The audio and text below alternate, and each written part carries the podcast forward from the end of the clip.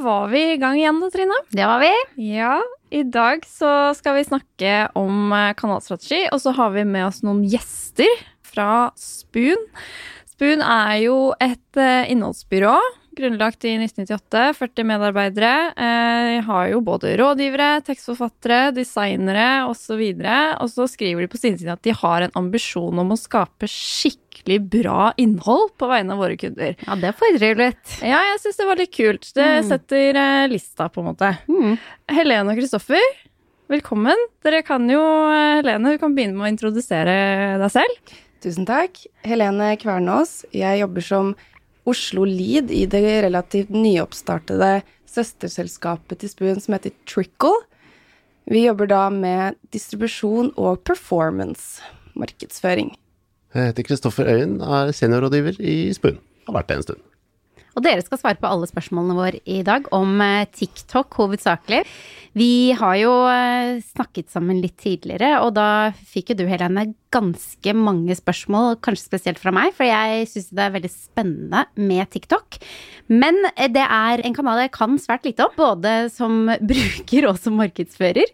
Så på forhånd beklager hvis du får alle dummy-spørsmålene i dag, men vi er veldig interessert i å lære mer om denne kanalen. Det er bra, det, og jeg vil si jeg er ganske dreven både som bruker og markedsfører eh, akkurat nå, så det er bare å fire løs, så prøver jeg å svare på det jeg kan. Fantastisk. Hva skal vi snakke om i dag, Trine? Skal vi bare begynne på TikTok og caset med Kiwi, da? Ja. ja. Dere kan jo kanskje gi en kjapp intro til det caset selv. Altså hvordan, eh, hvordan startet det og dette her, og eh, hvordan fant dere ut at dere skulle bruke TikTok som en del av kanalstrategien? Litt av utfordringen å jobbe med dagligvarer, det er at det er et utgangspunktet et eh, lavinteressetema. Folk er interessert i mat, men ikke nødvendigvis så like mye i dagligvare. Og så er det jo den unge målgruppen da, som er en evig utfordring å nå. Særlig på tradisjonelle medier. Så vi eh, utfordrer oss selv og kunden stadig. Og tenker litt hvilke kanaler er det vi kan bruke, hvilke nye medier er det vi kan ta i bruk. Og kom vel frem til at eh, TikTok er morsomt å jobbe med. Og så er vi litt heldige i forhold til Kiwi, for det ligger så dypt i deres DNA å være den grønne utfordreren. Så de, de er en aktør som tør å teste nye ting, tør å prøve nye kanaler. Og i og for seg en god match, sånn sett, da, for, for en kanal som TikTok. Og så fant vi jo et smutthull, for det var jo en kanal hvor ingen andre dagligvareaktører var til stede, eh, når vi i hvert fall vurderte å sette i gang. Så Gjelder det fortsatt, eller har de andre kommet etter nå? Det er ingen bedriftsprofiler ut fra det jeg vet blant eh, Kiwis konkurrenter, men det er lokale butikker, da, rett og slett, hos andre dagligvarekjeder som jeg ser publiserer innhold også. Men enn så lenge tror jeg Kiwi er den eneste dagligvareaktøren som har egen profil. Det må vi jo få høre masse om i dag. Én ting som jeg har lyst til å stille et spørsmål om innledningsvis, er eh, KPI-er. Fordi da vi snakket sammen for et par uker siden, så, så spurte jeg ja, er det liksom følgere eller likes, eller hva det må Jeg aner ikke hvor man begynner med denne kanalen. Hvordan følger man med på, det, på TikTok om det fungerer med tanke på markedsføringen, eller om det ikke gjør det? Hva, hvilke tall er det du følger med på der? Vi satte oss egentlig ned og lagde en liste over hvilke mål og kopier vi kunne sette oss. Altså hva slags måleparametere og tall vi kan hente ut fra TikTok som plattform. For det er jo selvfølgelig kanalavhengig. Det varierer fra kanal til kanal hva man kan måle. Og eh, da satte vi oss ned, noterte da kopier på parametere som likes, delinger, kommentarer, visninger og ikke minst visningsprosent. Og visningsprosent er et veldig, veldig viktig måleparameter, om jeg kan kalle det det, på TikTok. Nettopp fordi um, algoritmen til eh, TikTok fungerer jo slik at em, de rangerer innholdet ditt mye basert på visningsprosenten, altså hvor lenge folk ser på filmene dine. Så det var en viktig KPI for oss, å komme så høyt som mulig på denne KPI-en. Og da satte vi oss et mål om at eh, 35% skulle være vår gjennomsnittlige visningstid, eller prosent, da. Når du sier prosentvisning av hvor lang film da? Det varierer jo stadig vekk, eh, fordi TikTok oppdaterer videolengdene sine. Men per i dag så kan videoene være opptil tre minutter lange. Ja, og da vil jo 35% være en god, god del. Nettopp, absolutt. Så visningsprosenten vil jo naturligvis variere med hvor lang filmen er. Om de er 15 sekunder, så er det jo mye større sannsynlighet for at du når dette målet med 35% eller 30% enn dersom om filmen er tre minutter lang. Nettopp. La oss spole litt tilbake, for nå snakket sagt litt om KPI-er, og dere nevnte at dere skulle nå den yngre målgruppen. Hvordan la dere strategien før dere satte i gang med denne kanalen? Da har vi jo jobbet med den kunden en god stund, så vi begynner jo å kjenne den merkevaren ganske godt, heldigvis. Nå så så vi rett og slett på, på den der berømmelige sweetspoten. Hva er det som matcher i forhold til avsenderbudskapet, i forhold til det vi har lyst til å fortelle, og det publikum kan være interessert i? Og så valgte vi oss ut to-tre områder som vi følte var naturlig å satse på. Og så har vi vel prøvd å holde oss innenfor de rammene, og tenkte at vi kan bli, bli gode på noe. Og ikke nødvendigvis prøve å dekke alt. Men hvilke to-tre områder var det, da? Vi snakker ganske mye om matsvinn, matkasting, og så jobber vi med oppskrifter og inspirasjon, tips og hacks. I tillegg så har det jo blitt veldig viktig for oss å vise frem de ansatte på Kiwi, altså medarbeiderne. De har også blitt et viktig tema da, på vår profil. Også litt det for å skape intern stolthet, men ikke minst vise frem Kiwi da, som en attraktiv arbeidsgiver. Men Valgte dere de temaene ut fra fordi dere vet at det er innhold som både ofte trender på TikTok, eller baserte dere det mer på verdiene til selskapet?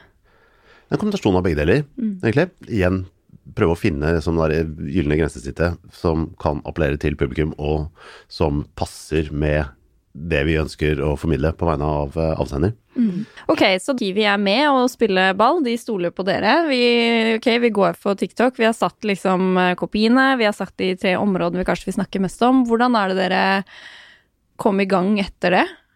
De på teamet, eller de vi satt på teamet, er jo mennesker som er glad i TikTok fra før, som har god kjennskap til plattformen, og det mener jeg personlig er helt essensielt for å oppnå suksess.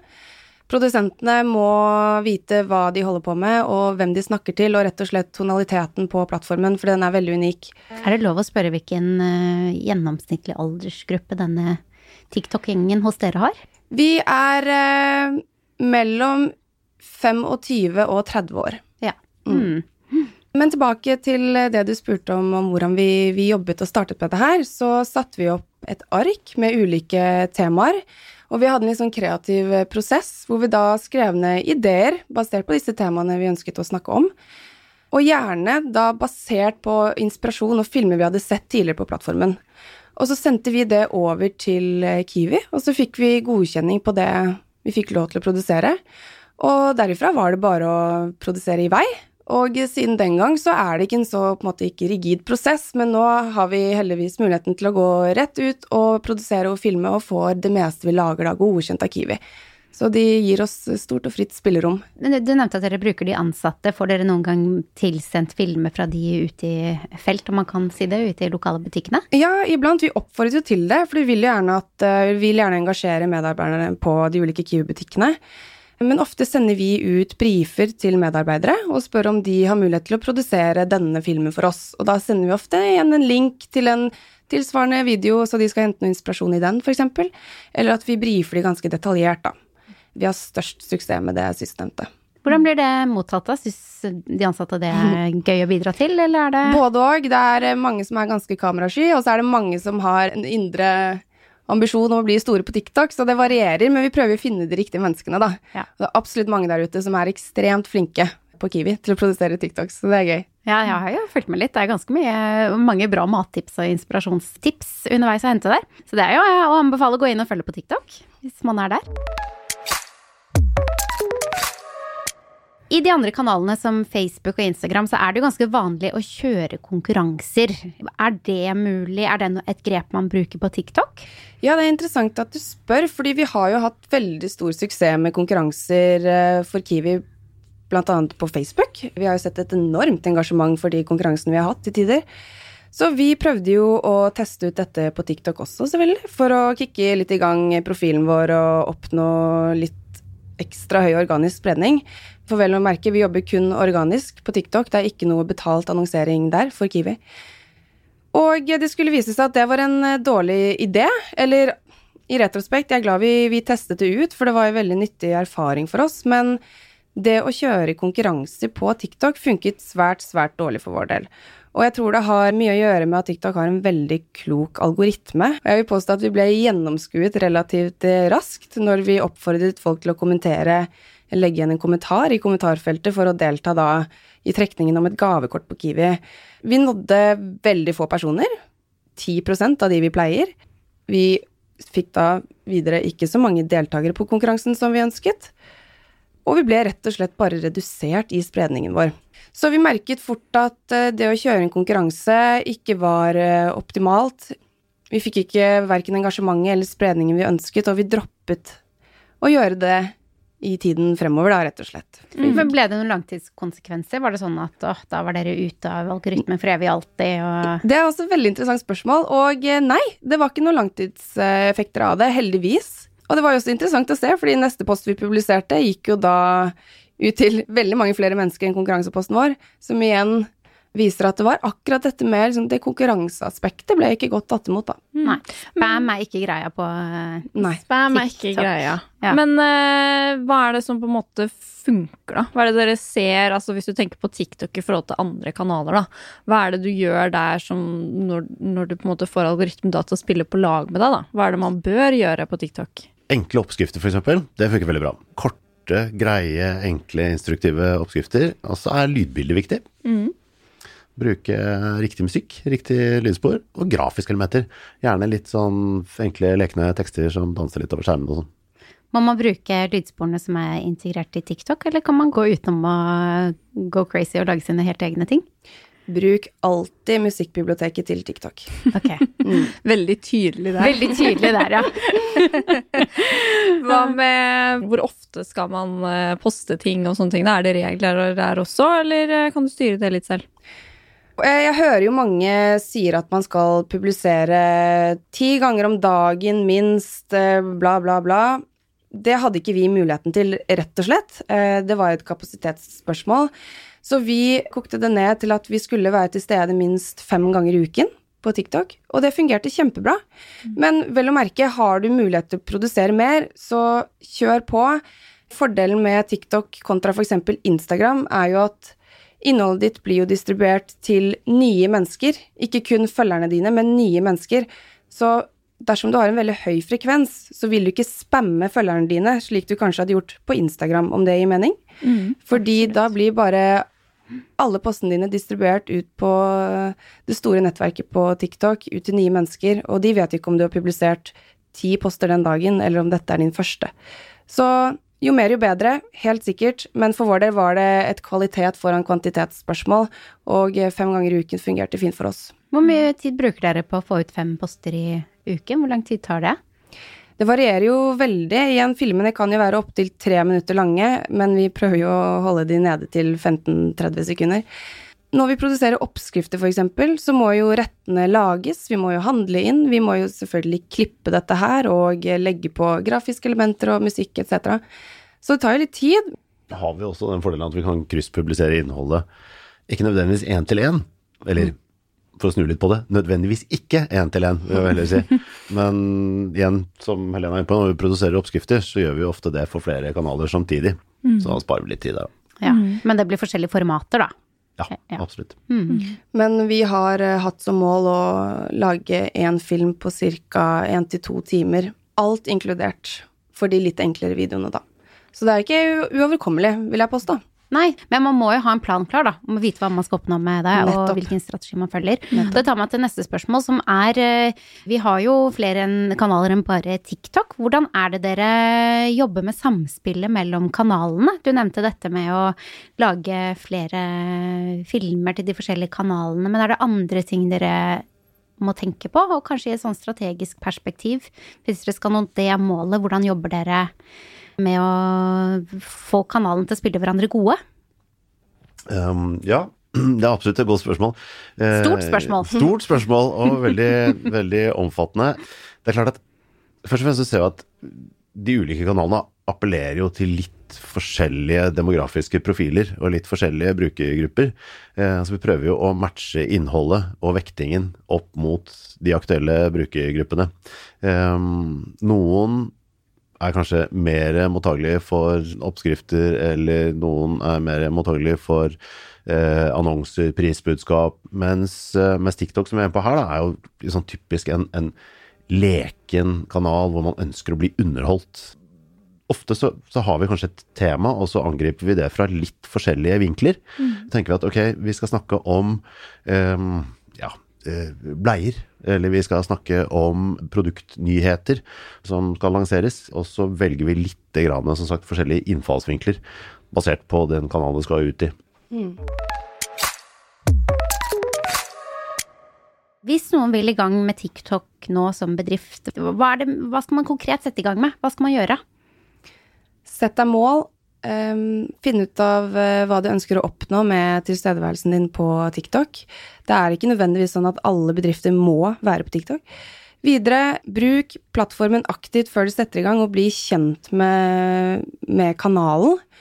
Skriv ned temaer du ønsker å snakke om og produsere innhold ut ifra, og definer målgruppen din og de, de du vil snakke til. Derifra er det bare å teste og teste og teste og teste, og lene seg tilbake og analysere de tallene du, du får, da, og se hva som funker og ikke funker for de målene du har satt deg. Kristoffer, har du noe å Ja, har skyte inn at um, man skal kanskje ikke bare gjøre det rette, man bør også være den rette for akkurat den kanalen. Så et eksempel ganske nylig på et selskap som eh, har feilet miserabelt på TikTok. Oh. Amerikanske BlackRock, som er et investeringsfond, de har en ehm, forvaltningskapital på 10 000 milliarder dollar, eller sånn god slump eh, penger. Mm. oljefond. Så det bør ikke stå på ressursene, for å si det sånn. De etablerte seg på TikTok nå bare for noen uker siden. Den første posten de la ut, hadde de i og for seg gjort alt riktig. De brukt unge medarbeidere, de har eh, hatt en lekende morsom form. Den har i snakkende stund 267 likes og ingen kommentarer. Så det viser seg det altså at eh, publikum resonnerte så dårlig på deres tilstedeværelse at motstemmene har fått veldig, veldig mye mer oppmerksomhet. Og det går jo litt på altså deres mm. Eh, ifølge kritikerne, da, som, som består av altfor mye eh, kull og våpen og en masse andre ting. Nettopp. Som gjør at de, de rett og slett har fått en negativ effekt på å etablere seg der. Det syns jeg var et veldig godt råd å ha med på tampen der. Mm, veldig interessant også at du må vurdere rett og slett din egen merkvare og hvem du er, da, og om du skal være til stede på denne kanalen. Avslutningsvis så vil jeg jo også gjerne legge til at eh, jeg syns det er spennende hvordan TikTok har blitt den nye søkemotoren for særlig de unge. Jeg er jo generasjon Z selv, og kan med trygghet si at eh, jeg går til TikTok dersom jeg f.eks. skal eh, lese omtaler om et nytt produkt, eller dersom jeg f.eks. skulle vært nysgjerrig etter å jobbe i, i Kiwi, så hadde jeg nok søkt etter Kiwi på TikTok for å se nettopp hvordan det er å jobbe der, og arbeidskulturen etc. Så jeg tenker det, det ligger et stort potensial, særlig kanskje for eh, retail-bedrifter, å være på TikTok nettopp for å skape gode omtaler om produkter og drive salg gjennom kanalen, da, som helhet. Mm. vi fikk et bonuscase eh, på tampen fra dere. Vi spurte om vi kunne få lov å høre litt om Kiwi og TikTok, og så sa dere ja, men hva med også å få høre litt om Skanska? Som har kjørt en eh, kampanje som var, eh, vi syns var veldig interessant, og i hvert fall hvis du har lyttet til episoden vår om employer branding, hvordan man skal jobbe med det. Dette var et rekrutteringscase. Kan ikke dere fortelle, gi litt bakgrunnsinfo for eh, hvem, hva, hvordan, hvorfor, og hva man skulle oppnå? Jo, casen var jo at Skanska ønsket å komme i kontakt med de beste nyutdannede, rett og slett, og de beste studentene der ute. Og få håndfaste leads og kontaktinformasjon til disse studentene, da. Og målgruppen her var jo nettopp da bygg- og ingeniørstudenter. Og for å nå dem så var vi jo ganske klare på at vi måtte ut i sosiale medier, som de fleste andre også tenker.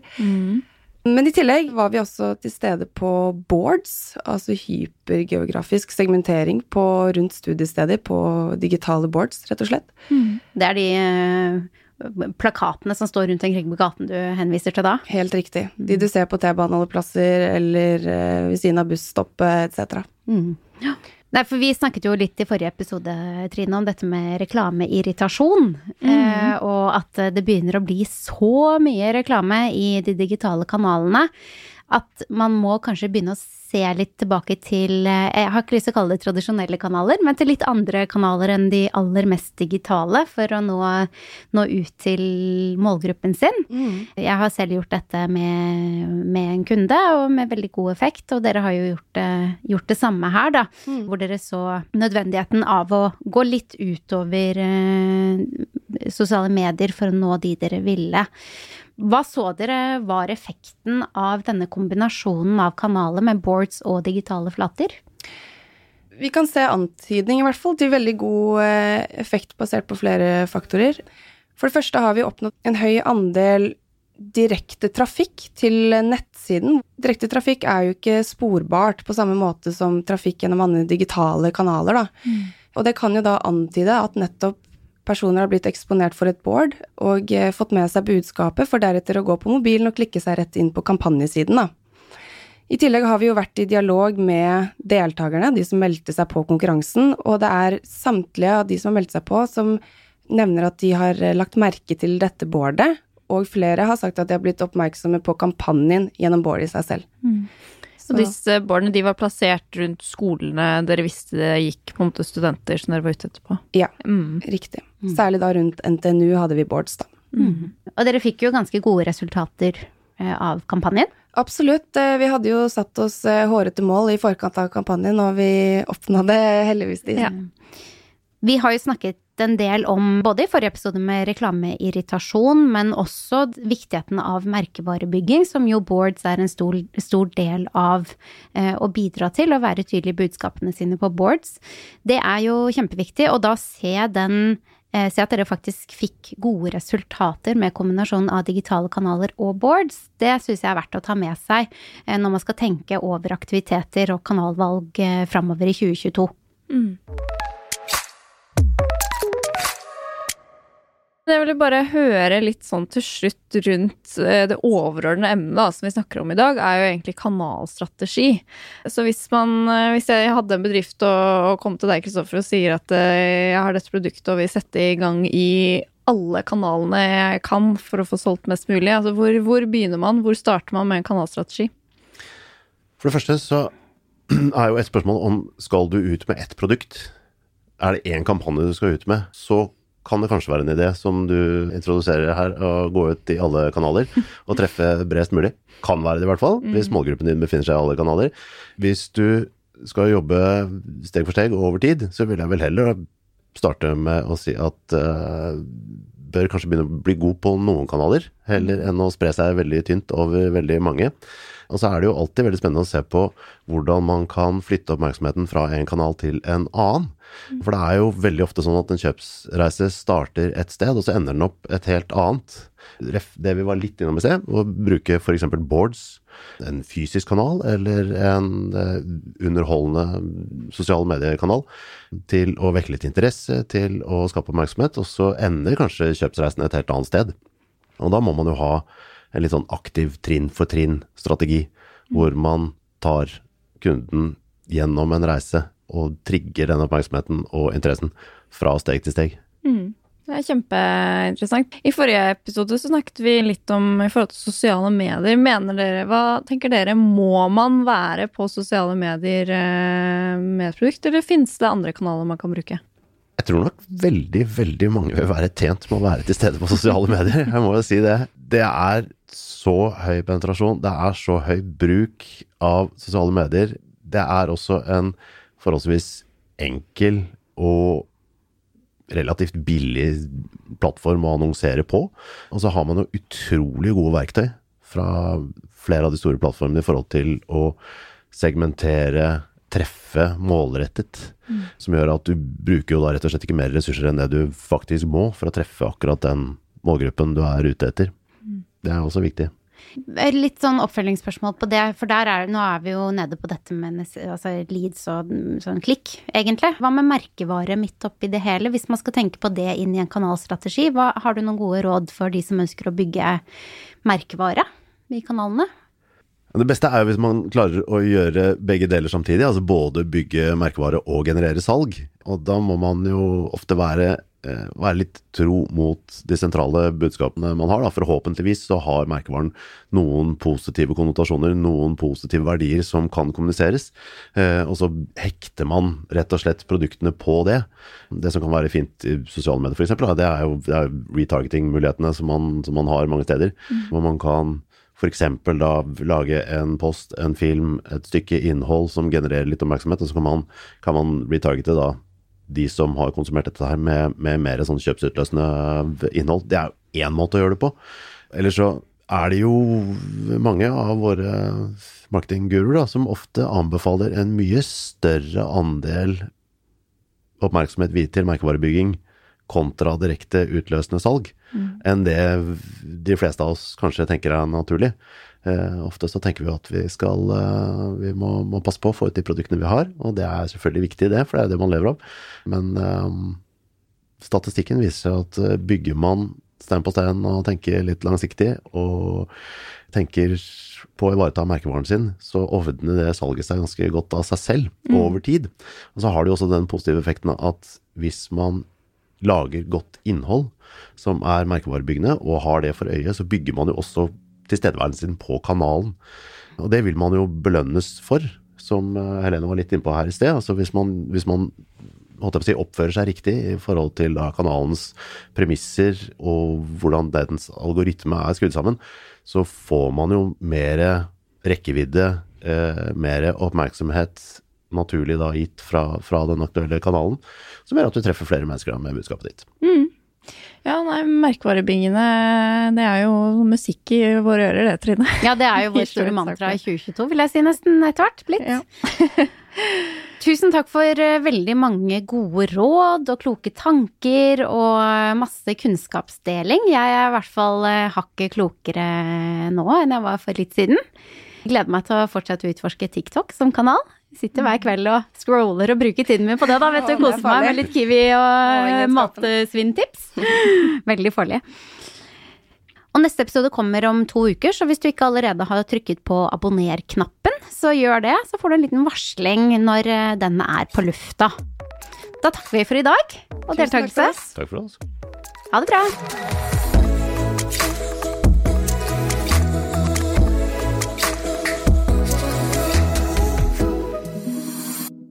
Denne podkasten er produsert av Freemantle Podcast for markedssjefene.